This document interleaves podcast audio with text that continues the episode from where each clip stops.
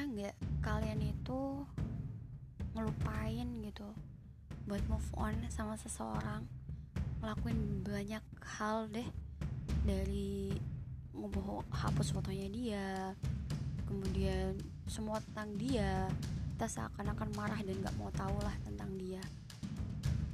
Tapi ujung-ujungnya kita juga masih stalkerin dia dia sekarang gimana keadaannya. Terus kita juga masih bertanya-tanya dia baik-baik aja nggak ya tanpa aku? Woi sadar dia tuh udah mutusin kamu gitu. Terus gimana? Tiba-tiba setelah kita melalui proses panjang buat move on tiba-tiba itu orang balik lagi ngajak balikan. Oke